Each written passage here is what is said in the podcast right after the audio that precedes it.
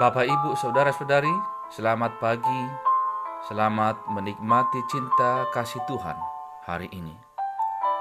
Marilah kita mendengarkan firman Tuhan hari ini Jumat 22 November 2019. Firman Tuhan tertulis dalam 1 Yohanes pasal 2 ayat 4. Demikianlah firman Tuhan.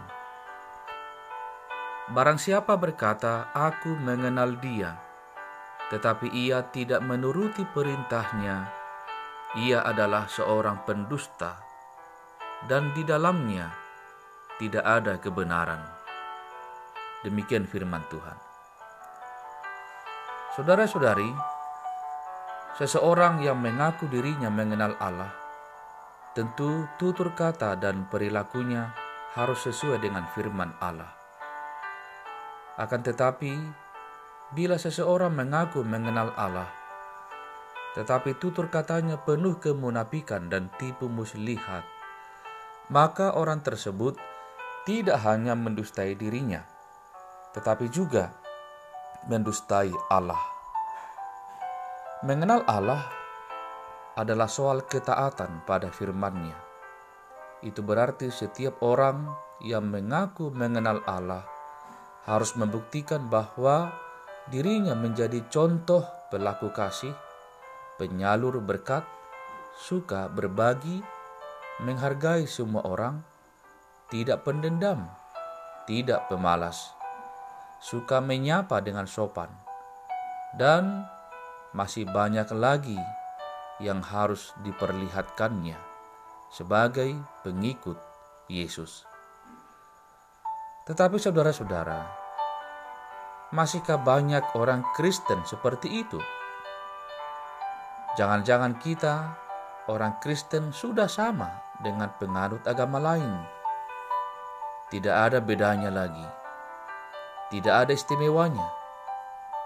Jangan-jangan orang Kristen mungkin lebih jahat, mungkin lebih pemarah, mungkin lebih pendendam dari orang yang bukan Kristen.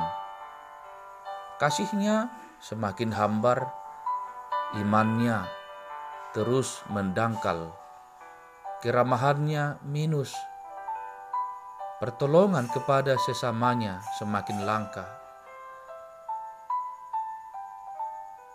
Ah, mungkin sudah hampir sedikit yang tersisa orang Kristen yang sungguh-sungguh mengikut Yesus dan memperlihatkan perilaku baik seperti yang Tuhan Yesus inginkan. Saudara-saudari, marilah merenungkan diri kita, melihat siapa kita di hadapan Tuhan. Apakah kita sungguh sungguh-sungguh menjadi Kristen? Apakah kita sudah sungguh-sungguh mengikut Dia. Saudara-saudari, jika kita percaya kepada Yesus, ikutilah perintahnya, lakukanlah firman-Nya, dan perlihatkanlah teladan Yesus di dalam hidup kita. Jika tidak, kita hanya mendustai dan membohongi diri kita di hadapan Tuhan. Amin. Marilah kita berdoa. Tuhan Allah Bapa kami di sorga, selidikilah hati kami, pikiran kami, bahkan tindakan kami. Kami mau mengikut Tuhan dengan setia dan kuasa roh kudusmu kiranya menolong kami untuk mengikut engkau dengan sepenuh hati kami. Di dalam namamu kami berdoa. Amin.